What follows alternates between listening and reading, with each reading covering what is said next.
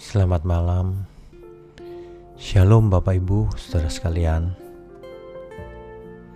Malam ini mari kita renungkan kebenaran yang akan kita baca dari Matius pasalnya yang kelima ayatnya yang kesembilan Berbahagialah orang yang membawa damai karena mereka akan disebut anak-anak Allah Saudara, membawa damai di sini maksudnya adalah peacemaker yang membuat damai. Jadi sudah selayaknya kalau kita mau menjadi anak-anak Allah, kita harus introspeksi diri. Apakah kehadiran kita itu menciptakan suasana damai?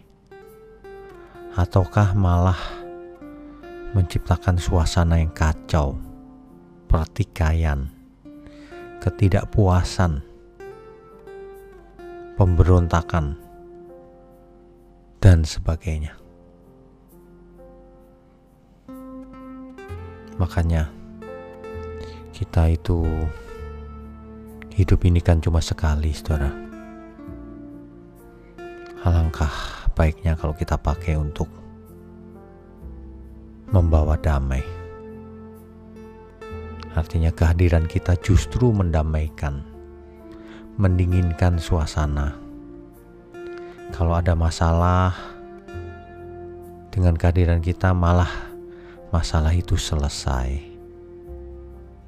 Masalah besar dijadikan kecil. Yang kecil tidak usah dianggap masalah ini sebenarnya ciri anak Allah. Makanya ayat ini berkata, "Berbahagialah orang yang membawa damai, karena ia akan disebut anak-anak Allah." Inilah bedanya antara anak-anak Allah dan anak-anak dunia.